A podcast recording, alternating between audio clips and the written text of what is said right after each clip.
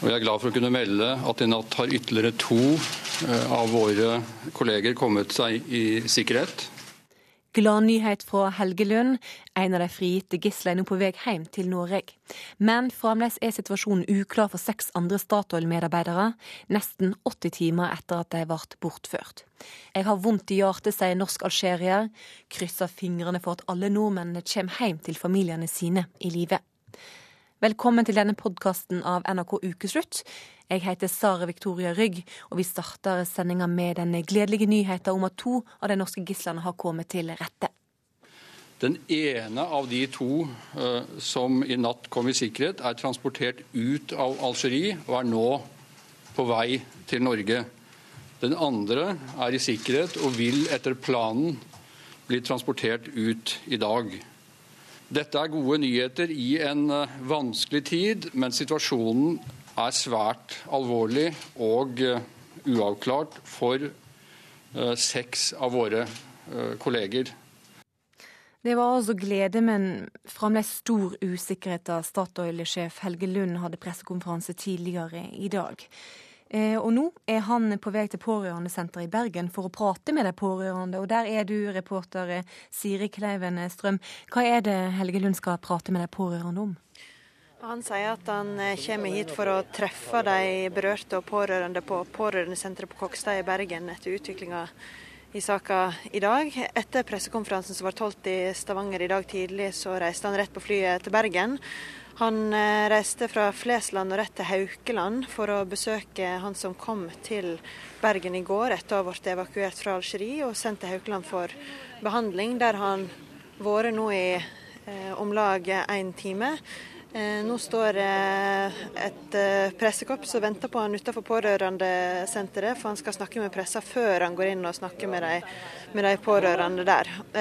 Statoil sier at de nå har to fokus. Det ene er å det første og fremste er å bidra til å løse situasjonen for de seks gjenværende i Algerie. Nummer to er å støtte pårørende, og det er altså derfor han kommer hit. Men når han er ferdig her, så haster han tilbake til Stavanger. Nyheter om at to eh, nordmenn nå er kommet i sikkerhet, og at den ene er på vei hjem eh, til, til Norge. Hvordan mottok eh, de pårørende denne her nyheten der, der, du er i dag? De pårørende her på pårørendesenteret i Kokstad de blir jo selvsagt eh, veldig skjerma ifra pressa, men eh, når vi har eh, snakka med pårørende tidligere som har fått sine kjære hjem igjen, så sier de at eh, de er selvsagt lykkelige over det. Og så er det det skåret i gleda at de vet at det sitter familier, pårørende som har vært, som fortsatt er i den situasjonen at de vet ikke. De har ikke noen opplysninger, og det er fortsatt veldig dramatisk for dem. Så vi kan jo bare anta at det er at de er lykkelige og glade for den opplysninga, de familiene som nå får sine pårørende med sine kjære hjem igjen, men at eh, det er òg en sår opplysning for de som fortsatt venter. Du prata tidligere med kona til en av nordmennene som, som, nå er i sikkerhet. og Vi kan høre hva hun sa til deg om det å, å vente på å få beskjed. Altså, Jeg føler jo egentlig at alt er veldig uvirkelig. Jeg føler det kun er virkelig når jeg snakker med han. For jeg vet at de har vært igjennom sinnssykt masse som han ikke kan prøve å fortelle på telefonen engang. For han, han kunne klare å fortelle når han kom hjem. Hva tenker du eh, om det å få han hjem nå etter de dramatiske dagene som har vært? Det blir jo, blir jo kjempedeilig, men, men, det er liksom det er en sånn spår, spår, i gleden. Jeg klarer ikke å juble liksom sånn for da at jeg tenker mer. da gjør jo han òg på disse her andre kameratene. Så jeg har jo kontakt med de, de andre damene, eller i hvert fall en av de som ikke vet noen ting. Og da klarer du liksom ikke å slippe jubelen løs. Det er bare sånn. Jeg kan ikke forklare det. Jeg klarer ikke å liksom juble sånn som jeg skulle. Det må jo være forferdelig for de å sitte der og, og vente. Altså, jeg tipper jo at et døgn må virke som to. Jeg, jeg, klarer ikke helt sette meg inn i det, annet enn det være helt grusomt. Jeg kvier meg jo litt for hva menene Ferrera har sagt til han. sant? Hvor mange våkne netter han skal ha, og hvordan dette her går inn på han. Det er, det jeg kvier meg litt til. egentlig. Jeg blir sånn veldig glad for å se han igjen, selvfølgelig, men hva har dette gjort med han? Han skal aldri ned igjen der, i hvert fall. Og det er noe godt å høre. Har han sagt det? Ja, det har han sagt. Han kommer aldri til å sette sin fot i det landet mer. Hva tenker du om det, da? Det, det passer meg veldig fint. ja. Reporter Siri Kleven Strøm, du har hatt kontakt med, med denne kvinnen vi hørte dette intervjuet her etter at du gjorde intervjuet. Hva sier hun nå? Ja, Hun sier jo at det er godt å få han hjem igjen, men samtidig så er hun litt opptatt av at nå eh, vil hun konsentrere seg om det å få ha fått han hjem igjen og følge han og trøste han. Vi hører at hun snakker om det her, at dette er en vanskelig situasjon å være i. Det er vanskelig for oss i media, og det er vanskelig for familiene å skjønne hva det er de har vært igjennom. Eh, dette her er jo ikke noe som jeg kan, situasjoner som jeg kan kjenne att eller som jeg kan referere til. Så det, Hun har sagt at nå vil hun konsentrere seg fullt og helt om den situasjonen som de er i, og trøste han og, og gi han den hjelp og støtte som hun kan. Eh, men selvsagt at det er godt for hun og for barna hans å få han hjem. Du, du, har vært ved pårørendesenteret i flere dager nå, og eh, som du sa, det, så er jo de pårørende skjerma fra pressa. Eh, hva kan du likevel fortelle oss om, om det som foregår der? Ja, de er skjerma fra pressa, sier Statoil, av sikkerhetsmessige grunner. De er rett og slett redd for at eh, informasjonen som kommer herifra, og som kommer fra de som har kommet hjem, og fra familiene som vet mer enn det vi i pressa gjør, skal på noen måte sette dem i fare. Eh, så det må vi jo eh, respektere at de sier. Takk til deg, reporter Siri Kleven Strøm i Bergen. og vi Sett over til reporter Tore Tollesrud i Stavanger. Du er ved Statoil sine kontorer der. Tidligere i dag eh, var det også en pressekonferanse der det ble fortalt at to eh, nordmenn er i trygghet, men fremdeles er det seks mennesker som de ikke har kontroll over. Hva vet vi om situasjonen til de her to som vi nå har kontroll over? Nei, Vi vet jo, som det tidligere ble sagt i sendingen, at den eh, ene er på vei hjem til Norge. Eh, han klarte å komme seg med hjelp av amerikanske styrker til en militærbase, amerikansk militærbase i Tyskland. Og eh, så vidt jeg forstår, så er han på vei hjem til Norge i fly. Og den andre vil også bli brakt eh, i ambulansefly til Norge i løpet av dagen. Når er de venta å komme til Norge? Jeg kjenner ikke noe spesielt eh, tidspunkt eh, for nøyaktig når de vil komme, men de vil altså bli brakt til eh, sykehus i Bergen straks de kommer til Norge. Hva sier Statoil om sjansene for å finne de seks nordmennene som fremdeles er savna i Algerie? Ja, det er klart at det at to stykker kom til rette nå i løpet av natta, det bringer håp. Eh, samtidig så eh, sier Statoil at situasjonen er uklar, usikker og uavklart når det gjelder seks andre. Så det var en meget alvorstung Helge Lund som møtte pressen her i dag tidlig. Han eh, leder jo nå en beredskapsorganisasjon som følger situasjonen svært tett. Han fortalte at han har vært i kontakt med oljeministeren i Algerie og også i nær kontakt med sjefene for de to andre partnerne de har i Algerie, nemlig britiske BP og det algeriske statsoljeselskapet? Det har jo vært ekstremt mye arbeid for, for, eh, for Statoil de siste dagene. Det har vært kaos, eh, lite oversiktlig. Hvordan er situasjonen og, og stemninga på kontoret der du er? Jeg vil ikke si at det har vært kaos. Eh, på meg så virker det som Statoil har en meget profesjonell beredskapsorganisasjon som nå har eh, håndtert denne situasjonen. Men det er klart at det har vært veldig vanskelig å få ut sikker informasjon. Eh, Statoil har jo også sendt ned et ekstra, eller styrket sin, sitt kontor i, i hovedstaden i Algerie med folk, bl.a. krisepsykiatere og andre eksperter som kan bistå organisasjonen der for å få brakt på det rene hva som har skjedd, og for å være støtte for den eh, ledelsen de har i landet. Takk til deg, reporter Tore Tollestrud. I dag er det altså to familier som kan være veldig letta, samtidig som de kanskje føler at det er vanskelig å juble høyt, for det er fremdeles flere familier som ikke vet hva som har skjedd med sine kjære. Tine Jensen, du er forsker og eh, psykolog ved Universitetet i Oslo. Det er to familier som er veldig lette. Hvordan er det for deg å ha en kjensle av sorg og glede i samme stemninger?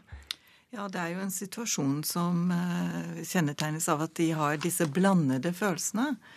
Uh, og både selvfølgelig glede og lettelse, og samtidig så har de omsorg og empati for de som ikke kan kjenne glede og lettelse. Så, uh, men det går fint an å ha blandede følelser. og det viktigste er vel kanskje å si til seg selv at man, eh, man kan tillate seg å også kjenne glede eh, over en sånn situasjon.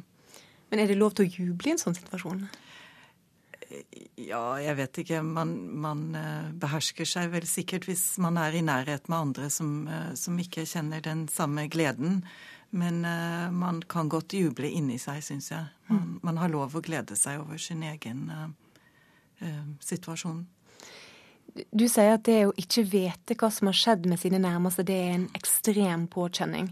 Eh, hvorfor er det så vanskelig å forholde seg til?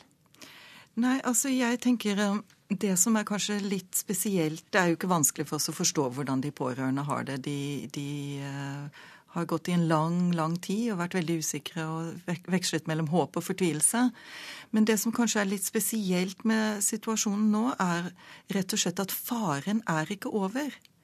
Sånn at eh, mennesker som er i en sånn situasjon, de stiller seg ikke bare spørsmålet om hvordan har det gått, men de stiller seg fortsatt spørsmål om hvordan har han det akkurat nå.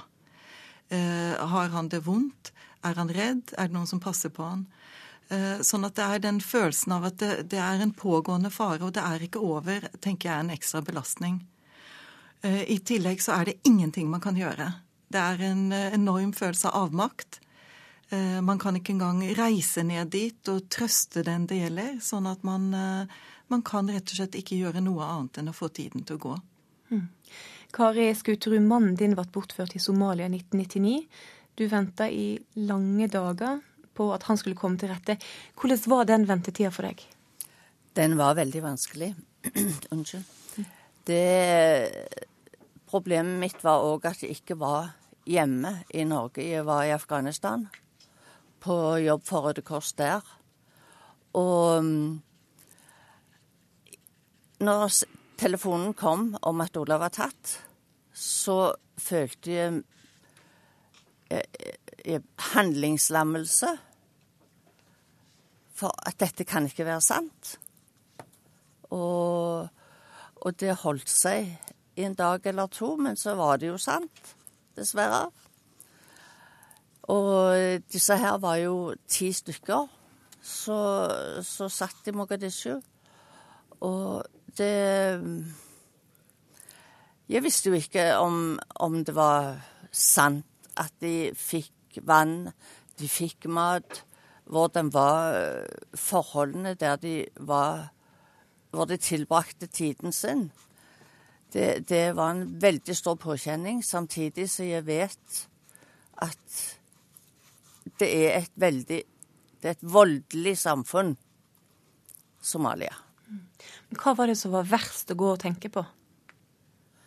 Hva de kunne gjøre med han. Det var det verste. Hva, hva, hva de gjorde med han. Og om vi var blitt enke, om uh, ungene våre, som da var voksne allerede, om ikke de hadde far, om han ikke skulle få lov å være bestefar og alt mulig sånt. Det, hele familiesituasjonen rasa i grunnen litt sammen. Jeg kan tenke meg at ventetida var veldig lang. Hva gjorde du for å få tida til å gå? Ja, jeg pakte og pakte og pakte. Og så skrev jeg dagbok. Og, og var redd grein mye. Prøvde å lese, men det var jo helt uh, Ja, det, det, gikk jo ikke. Men uh, du holder jo på å bli desperat på en måte. Du, du, uh, du tror ikke det er sant, det du er midt oppi. Hvordan reagerte du da du fikk beskjed om at Ola var i sikkerhet? Ja, Da var jeg kommet hjem til Stavanger, og etter fire døgn venting i, i, Afghanistan, så fikk jeg endelig flymuligheter til å komme hjem. Og var sammen med ungene og, og sånt. Og gleden var utrolig når, når vi fikk høre at For vi grein oss i søvn, og vi grein når vi våkner. Og det, det må de nok gjøre. De, de som sitter igjen og savner sine. Og så var jeg jeg, jeg jeg, følte at jeg gikk på en sky. Tenk at de skulle få mannen min tilbake igjen, ungene, faren sin. Det ene barnebarnet vi hadde da, fikk bestefaren hjem. Nei, det var en utrolig glede. Tine Jensen, det er nok mange som Det er flere av familiene som føler på den, den kjensel som Kari Skuterud forteller om her. Hva kan en gjøre for å hjelpe de som er i den situasjonen?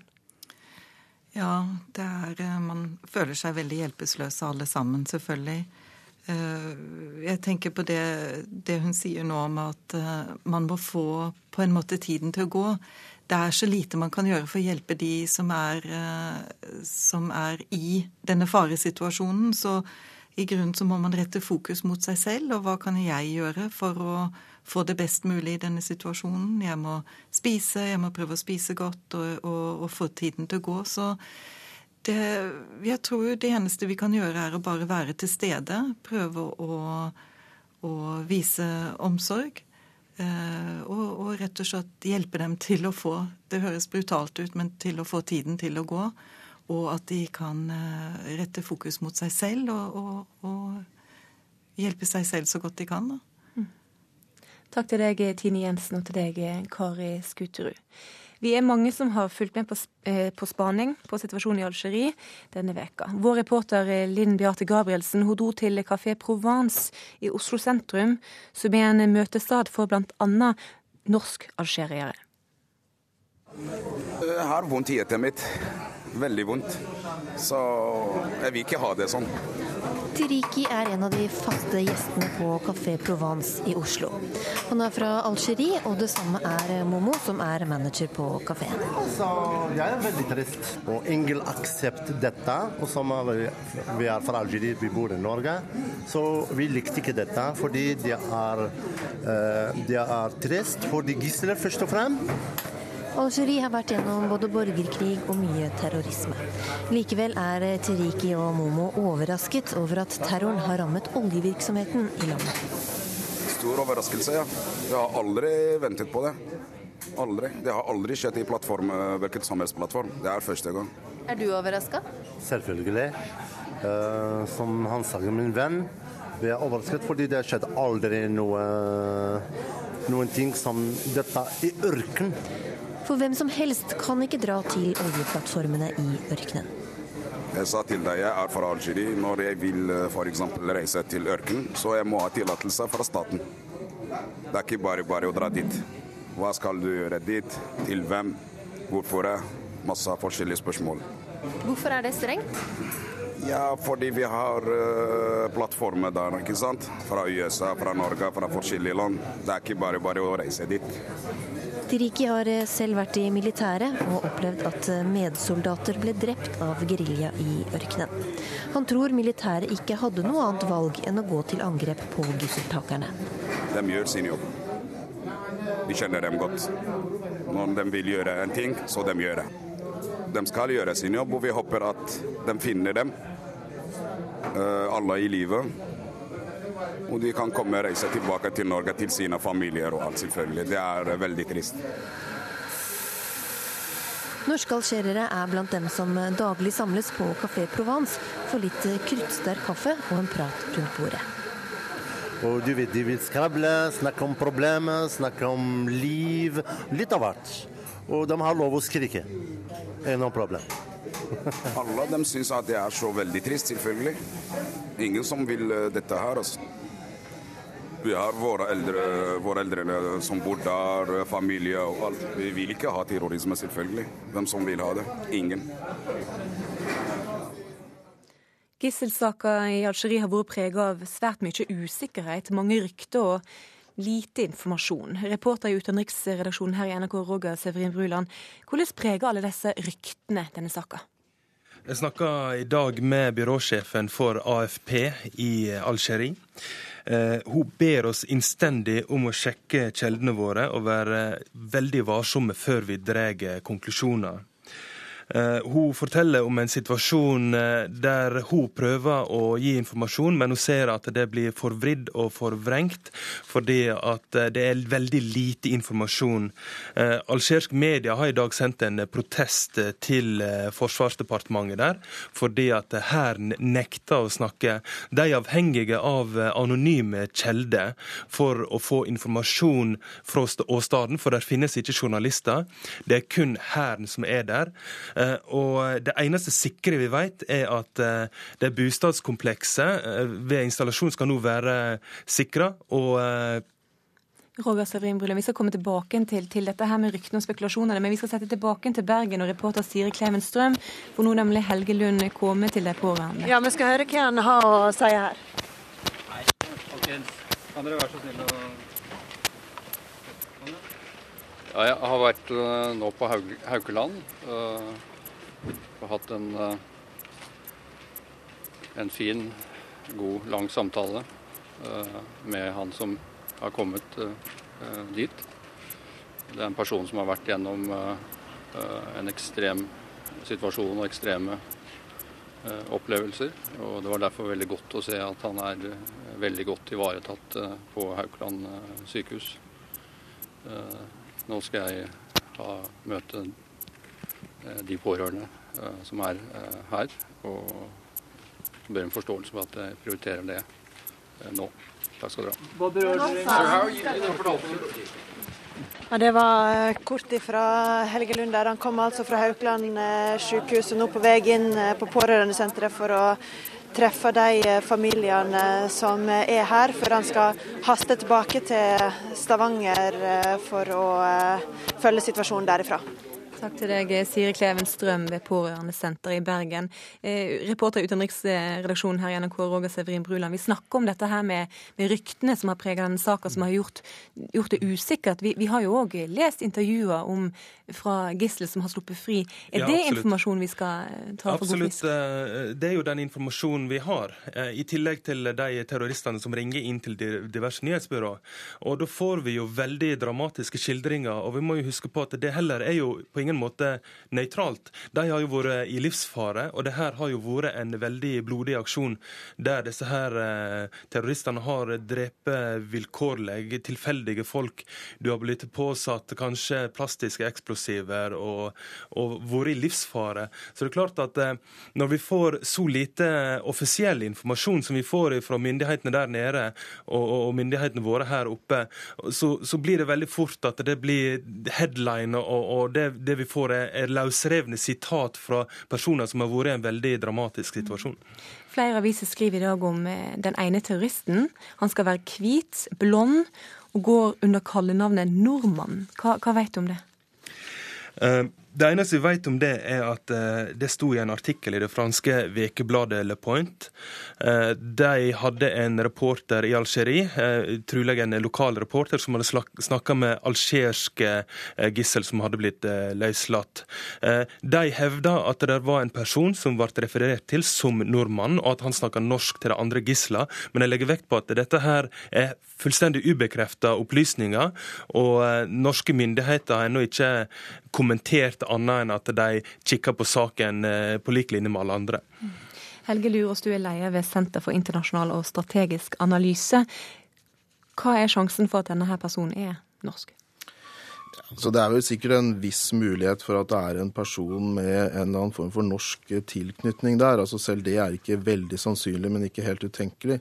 Men at det i tillegg skulle være en som da har et etnisk norsk utseende, eh, så, så blir det enda mer spesielt. Altså ikke helt utenkelig, men, men kanskje lite sannsynlig, og, og, store muligheter for at det er eh, ja, et eller annet ved hvordan denne informasjonen som har oppstått, snarere enn at det er eh, realiteter i det.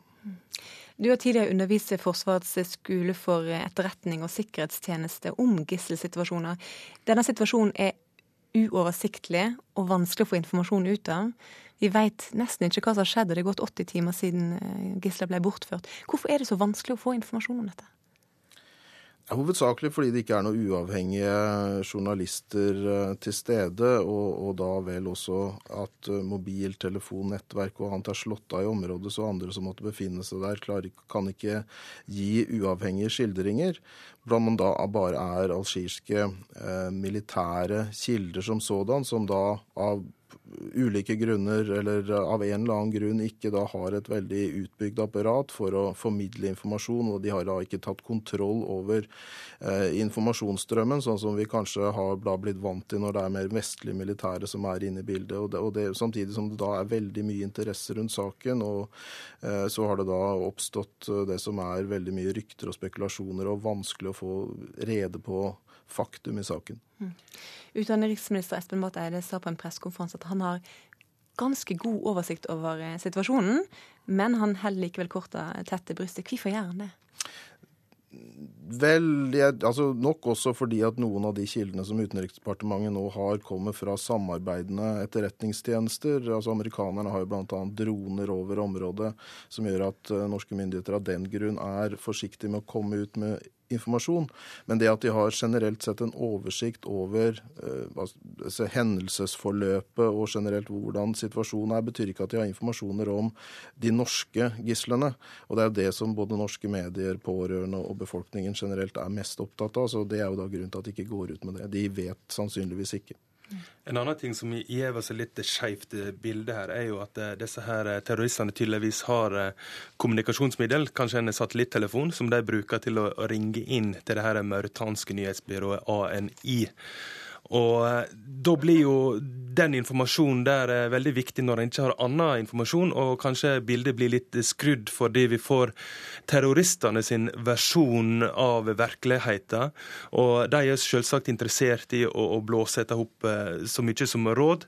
Og da får en jo litt på den ene sida en informasjons, informasjonsmangel, samtidig som du har en mulig feilinformasjonskampanje da fra disse her terroristene, samtidig som gjør at bildet er veldig kaotisk politisk, og en skal være veldig varsom med å dra konklusjoner før en har ulike kilder å, å, å hente informasjon fra.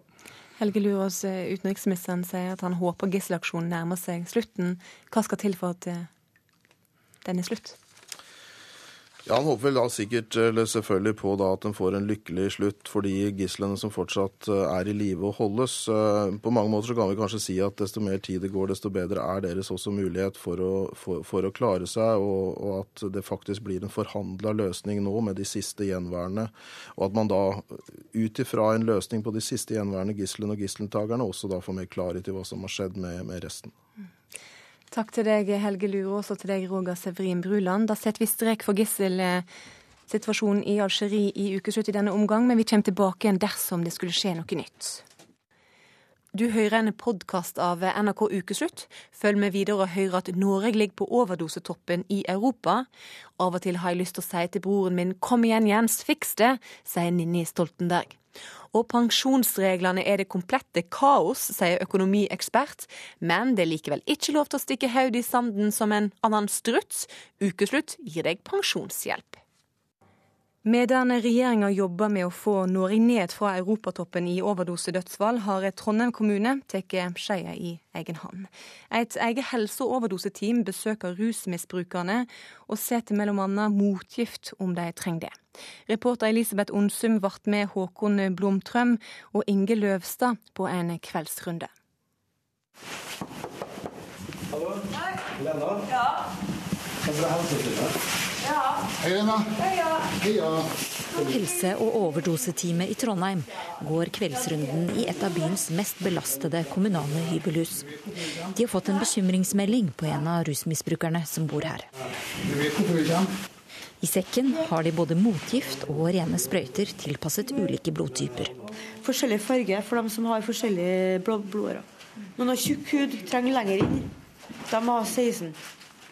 Jeg må ha tolv. Det går akkurat. Ellers kan jeg bruke de grønne de store. For de legger jeg bare forsiktig langs åreveggen, og så klemmer jeg. Lena har vakre trekk. Det lange, brune håret har hun samlet i en hestehale. Men flere års misbruk har ødelagt tennene. Hun mangler flere. Hvorfor er det viktig at du får den posen av dem? Jeg vet ikke, jeg skal samla. Her, her har vi Oi, kriseløsning. En brukt sprøytespiss velter ut av et pappkrus. Hvis jeg ikke har hatt utstyr midt på natta og kommet dritsugen råsjuk og råsugen på smell, så har jeg tatt den her. 31-åringen satte sin første sprøyte da hun var tolv år gammel. Hvorfor kommer vi tilbake til. For alt har en begynnelse. Hallo. Helsetime. Ja, kom inn. I et annet hybelhus midt i sentrum sitter tre av beboerne i stua og ser på TV. Det er den minste tekoppen har skjedd eh, mer som i bøtte, kan du si, Andrea. Andrea kan takke overdoseteamet for at hun lever. Jeg har 20 overdoser bak meg. Hva skjer når du tar overdose? Du merker egentlig ingenting. Du bare setter sprøyta, og så er du borte for denne verden. Det er som å ta, få narkose. Det nærmeste jeg kan sammenligne en, en overdose. Men Har de kommet som en overraskelse på deg, de overdosene? Mm, både ja og nei. Mange ganger så har det vel vært en liten stemme som har sagt at nå gjør du noe dumt, Andrea. Hun sitter i slåbroken og ruller seg en rullings. Hestehallen står som en liten antenne fra hodet. 20 ganger har hun fått livet i gave. Men dessverre så våkner hun opp og er ganske sur og sint. Så du du er forbanna, vet du. Ja, de får seg en liten overhaling. Men etter hvert så summer summes seg og så ber om unnskyldning og takker for at, takk for at du redda livet mitt. Medisinsk nødtelefon. Overdoseteamet samarbeider ja. tett med ambulansetjenesten. Hvor Når alarmen går her, varsles de øyeblikkelig. Ja. Både for å sette riktig dose og for videre oppfølging. Bare i fjor var de med på å redde 19 personer. Så det her er sekken som vi bestandig har med ut. Og oppi den sekken så har vi bestandig med oss motgift, som heter Naloxon. Håkon Blomstrøm fra overdoseteamet åpner en liten gul plastikkbeholder. Og eh, hvis pasienten skal ha motgift, så trekker vi opp eh, Naloxon i ei sprøyte, vanlig sprøyte, og så setter vi den intramuskulært i låret eller i armen. Hvordan virker den motgiften? Hva er det som skjer? Så det som skjer når en får en overdose, det er at en, blir, at en slutter å puste i verste fall. Og når vi setter motgift, så opphever det virkningen på heroin eller opiater, sånn at pasienten våkner til. Så motgift har vi bestandig med. Det er viktig hele tida å sjekke at vi har med. Hallo? Hei. Ja.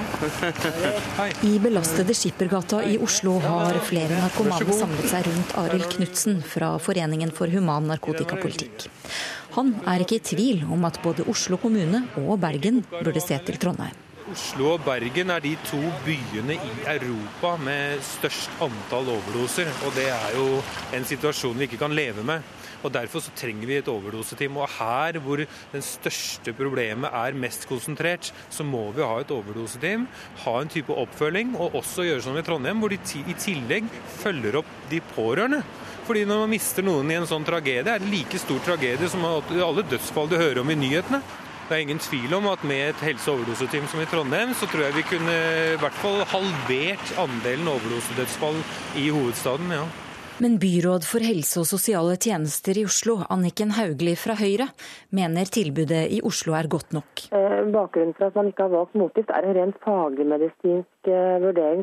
Eh, og Fagfolkene våre har vurdert at man håndterer dette på en bedre måte, slik som vi har gjort i dag, enn det som man, man vil gjøre med å sende ut motgift. Dette er en ren medisinsk faglig vurdering.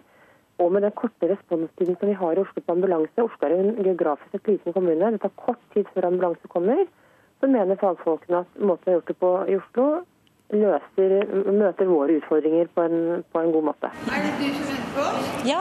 Ninja, Torvald og Karl Jon? Ja, ja, ja. Hei. Hei. Men pappa er og parkerer. På Blindern i Oslo treffer jeg Ninni Stoltenberg, kjæresten hennes Karl Jon Sivertsen og Torvald Stoltenberg. De er her for å holde foredrag for studentene. Ninni er overbevist om at flere liv kunne vært reddet med et eget overdoseteam. Du har ikke selv tatt, eh, tatt, overdose, men har du mistet mange venner? Jeg har mistet veldig mange venner. Og jeg har vært til stede ved enormt mange overdoser. Men alle har overlevd. og det, For det går på at jeg har Uansett så har jeg bare ringt, og da har ambulansen kommet fort nok. Men det som skjer ofte, er jo at ingen vil ringe. Og da Hvorfor ikke det? Fordi de er redde, eh, redde for at eh, for politiet skal komme, f.eks. Og så har de ting i leiligheten de er redde for å Norge ligger på europatoppen når det gjelder overdosedødsfall. Regjeringen har som mål å få oss ned fra denne førsteplassen, men Thorvald Stoltenberg etterlyser engasjement. Jeg syns det er deprimerende lite engasjement. Eh, la meg ta et eksempel. Jeg har vært med i fakkeltog for, uh, trafikksikkerhet. Holdt appell for trafikksikkerhet. Og det er tusenvis av mennesker som stiller. Og det har jo gitt resultater. Det er menneskeliv som reddes ved folks engasjement. Det engasjementet ser jeg ikke noe av når det gjelder uh, rus. Men hvorfor er det sånn at vi er mer opptatt av trafikkofre enn uh, av rusavhengige? Det har jeg lurt mye på. Og jeg har ikke noe forskning, så alt jeg sier er synsing.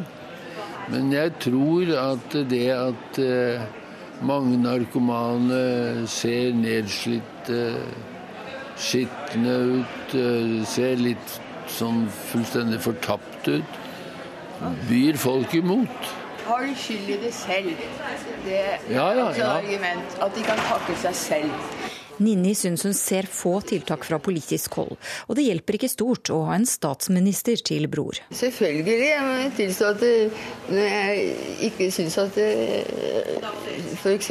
Jens nå klemmer til og får action, så blir jeg frustrert. Og jeg skulle ønske at jeg kunne si Hei, broderen, og hvis ikke du gjør det, så gjør jeg det. ikke sant? Dessverre så kan jeg ikke det. Og Det fungerer i hvert fall ikke sånn. Da skal ikke vi plage deg mer, vi, for da, men da Nei, men det Du er bra at dere kommer og sjekker, for fy faen, det er kult og hvitt. I Trondheim har Håkon og Inge forsikret seg om at det står greit til med Lena. Rett og slett tusen takk, altså. Helt klart. Alt har en begynnelse. For tolv år gamle Lena ble rusen en utvei for å fortrenge vonde minner. Dagen etter tolvårsdagen Den, den dagen husker jeg så forferdelig godt at det skjedde. Jeg har fått lært litt av det, men jeg kommer aldri til å, kunne forklare resten. For det er for eh, Det er for! Æ, nei, huff. Hvorfor kunne ikke jeg, hvorfor gjorde jeg noe med det? Det var bare å sparke det, så kunne ordna seg det. Men eh, jeg tenkte ikke sånn. Jeg lot meg bare ligge der i tre kvarter og bli brutalt mishandla. For å si det sånn. Ikke her, men nede. Og det som har skjedd to år etterpå. På 16. mai. Da var jeg bevisstløs og våkna opp. Så ikke jeg klarte meg. Jeg klarte ikke å reise meg på som tunnelivet. Samme brukte en time på samme som jeg klemmen og kom hjem. Og så rett ned på sykehuset til gynekologist, og hun var jo helt forferdelig da. Lurte på hvilken gjenstand det var som ble brukt opp der. om hun visste det. Herregud, tenkte jeg. Fyren var 14 år gammel. så Han hadde ødelagt livet mitt. han. På mange mulige måter. I dag vant Marit Bjørgen 10 km klassisk i De la Clusa, og eh, Tora Berga hun vant eh, jaktstarten i Antaselva. Det skjer mens de fleste er opptatt av én mann og ett intervju. I'm deeply sorry for what I did. Uh, I can say that thousands of times, and it may not, it may never be enough. I det siste intervjuet med Oprah Winfrey eh, som ble sendt i natt, så beklager altså Lance Armstrong dopingbruken. Og det var bare å innse at det ble fokus på alt annet enn det han egentlig ville ha fokus på, nemlig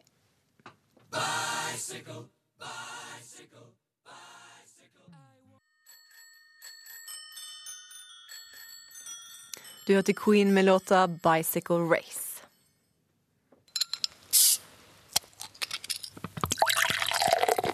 Alkohol kommer nå opp, kryper opp bak tobakk som et av de store årsakene til for tidlig død og sykdom i verdens eh, uhelse, og det må vi ta inn over oss også i Norge.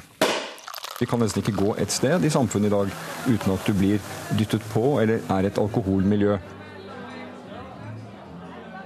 Helseminister Jonas Gahr Støre slo et slag for redusert alkoholforbruk denne veka. Nordmenn drikker stadig oftere og mer, og Støre oppmoder folk til å tenke gjennom alkoholvanene sine. Og sa at han sjøl oftere skulle si nei til alkohol i framtida. Komiker Dag Sørås, hva ser du til at Jonas Gahr Støre oppmoder deg og meg og alle til å redusere alkoholinntaket? Han må gjerne oppmode oss til, til hva han vil, egentlig. Eh, for han må ta sine egne personlige valg. Men det er jo symptomatisk på den norske sånn statsfetisjismen at myndighetene tror det er deres oppgave å ha en sånn bedrevitende paternalistisk holdning til, eh, til, vanlige folk sine frie valg. Så eh, hva han gjør på fritida si, er helt opp til han, på lik linje med at hva jeg gjør på fritida mi, er opp til meg. Så han skal ikke blande seg i hva du drikker på fritida? Jeg, jeg syns ikke det. Jeg syns ikke han er noe, noe, moralsk forbilde heller. Han er en offentlig tjenestemann, på lik linje med de som tømmer søpla mi. Lene Alexandre Øyen, livsstilscoach, kjendistrener og eh, jazzsangerinne. Du mener at Jonas Gahr Støre er et førbilde for oss eh, når han eh, kutter litt ned på sin egen alkoholinntak og oppfordrer kanskje andre til å gjøre det samme. Hvorfor er han det? Eh, som helseminister så er det jo naturlig å se på han som et forbilde. Og så er det jo opp til han hvordan han velger å eh, formidle sine budskap. Eh, han er jo en leder for, for folket. Og jeg tror ikke at det å prakke på folk noe, da Det tror jeg ikke er så positivt, og jeg tror det er litt sånn Dag opplever det. Selv opplever jeg det litt annerledes. Men eh, jeg, jeg syns at det er smart å gå foran som et godt eksempel. Eh, og så er det jo opp til hver enkelt om de eh, velger å, følge an, da. Det er et godt eksempel. Ok, Jeg vet ikke hvorfor det nødvendigvis er et godt eksempel. Det må da finnes eksempel på folk som drikker, og som fortsatt kan være gode forbilder på, på, andre måter. Og når det kommer til helseskade, jeg tror det at mange nordmenn er gjeldsslaver som jobber 40 timer i uka på en jobb som ikke gir dem noe kreativ eller intellektuell tilfredsstillelse. Jeg vil tro det er like helsemessig skadelig som å være i bakfylla av og til. Så det kommer an til prioriteringsevna. Pluss at jeg mener, drikkevannet i Norge er jo visstnok korrelert med høy utdanning og høy inntekt, så den eh, utgiftsgreien fungerer heller ikke. For jeg vil tro de med høy inntekt skatter mer også, i motsetning til, til røyk. Men eh, Leder Alexander Øyen, som, som livsstilscoach og kjendistrener, tenker du at vi burde tenke oss litt om i Norge og kanskje kutte ned på alkoholen litt igjen? Absolutt. Eh, sånn jeg ser det, så er gift, altså gift og alkohol det det er, to ord som hører sammen for meg. da. Eh, og jeg mener at det bryter ned kroppen. Eh, selvfølgelig er det helt OK å, å kose seg med alkohol innimellom, og mennesker må gjøre hva de vil med sin egen helse. Jeg prakker ikke noe på noen. Men det ville jo vært sunnere og bedre for staten, billigere også, om mennesker valgte å leve sunnere, da. Men så er det jo å prøve å eh, snakke om de positive tingene ved å faktisk legge om til en sunnere livsstil, framfor å snakke om alt du ikke skal gjøre. Jeg er helt enig. Jeg syns folk skal tenke gjennom alkoholforbruket sitt og, og, og, drikke så mye som de føler er korrekt. Jeg som en voksen person, mer eller mindre med mine fulle fem, føler at jeg er fullstendig kapabel til å ta mine egne valg. Og jeg vet også liksom de potensielle konsekvensene av å drikke for mye, men, men det er et valg jeg tar. Og jeg skader ingen andre når det er det når du blir slått ned på fylla. Det skulle være passiv drikking, at du blir slått ned av noen som hadde drukket. Ok, Folk som slår ned folk i fylla, har problemer i livet sitt som også er der når de er edru. Eh, det er voldelig i fylla tror jeg bare er svada. Og hvis du skal prate om passiv drikking, at, at de indirekte konsekvensene av at andre drikker, så finnes det positive konsekvenser av at andre drikker også. Ja, hva er det da? Det er Hvis ei som er ti ganger finere enn deg, plutselig vil ligge med deg fordi hun har tatt seg fire Fernet-shot for mye, så, så, er jo det en positiv konsekvens av Ja, Kan ikke det være litt positivt med alkohol av og til? Uh, uh, hva skal jeg si? Uh, jeg måtte bare le litt. Positivt med alkohol? Jo, jo, selvfølgelig. Men, her, uh, men han om selvtillit på grunn av, Da får han selvtillit pga. at hun har drukket litt ekstra. Men, burde, ja, burde men jeg annerledes? mener jo det, da, at hvis du må drikke deg til å få selvtillit for å ha draget på en dame, da er det noe feil et sted. Uh, da ville jeg heller fokusert på den mentale helsen og styrket den. Så er du ikke avhengig av den alkoholen for å få deg et ligg, da. Nei da, for all del, men jeg mener bare at det, det, det, det er et hyggelig minne for, for den ene parten, i hvert fall. ikke sant? Pluss at dere hadde, et, dere hadde et innslag om, om eh, narkotikapolitikk, som jeg forsto i sted. og det er klart, Jeg tror også det kunne vært positive konsekvenser av å legge om norsk narkotikapolitikk. Jeg ville heller ha folk som hadde røyka marihuana før de gikk på byen, fremfor at de satt, og, satt på vorspiel og drakk drakk seg, drakk seg, opp før de dro ut fordi alkoholen er så utrolig dyr. Så det er mange måter å gjøre det her på. Mm. Uh, det jeg sier, er at jeg, trenger, jeg ser ikke på politikere som forbilder. Uh, og hva jeg velger å gjøre med min egen kropp, burde da være opp til meg. Det virker så grunnleggende som det går an å få det. Mm. Helseministeren sier at han legger opp til å, å kutte ned på eget alkoholinntak i framtida. Så nesten som en slags sånn semihvit uke, uh, da. Hva, hva tenker du til det?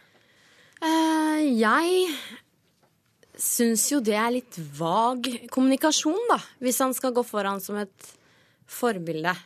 Uh, jeg vil jo Altså Jeg utfordrer han til å ta to måneder helhvite. Ja.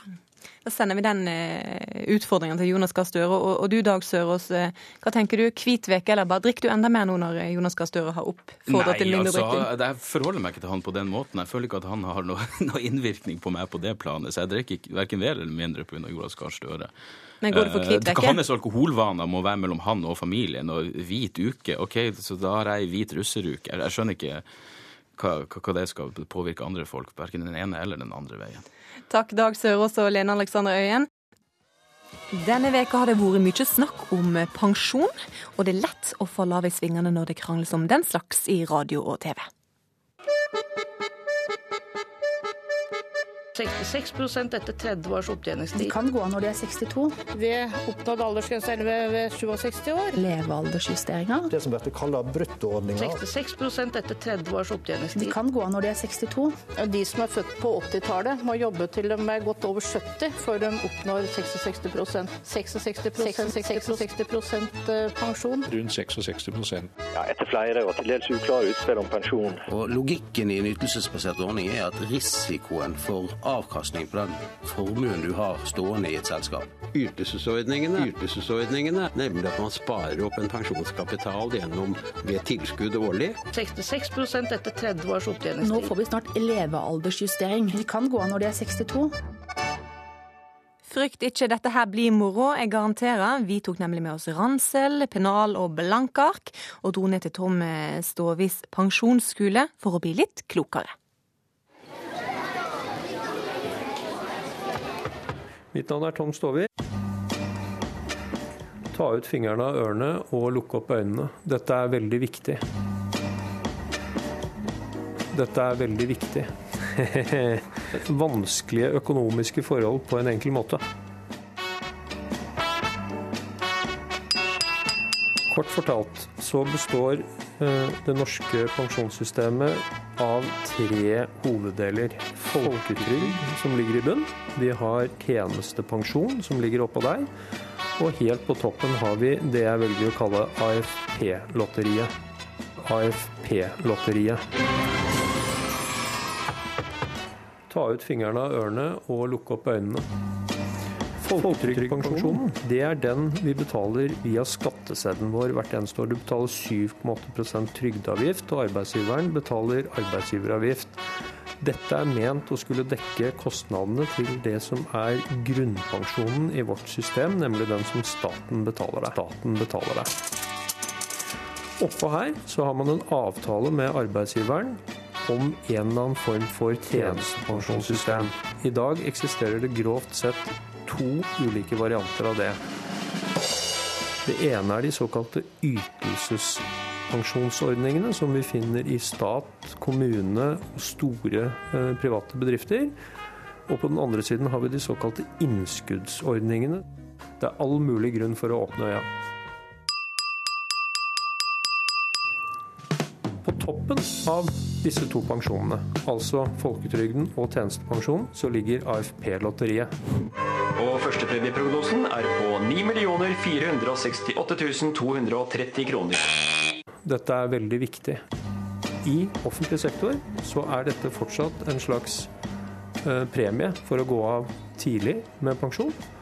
Eh, I privat sektor har det nå bare blitt en ekstra pensjon til de som er så heldige å jobbe i en bedrift den dagen de går av med pensjon, som har AFP-ordning.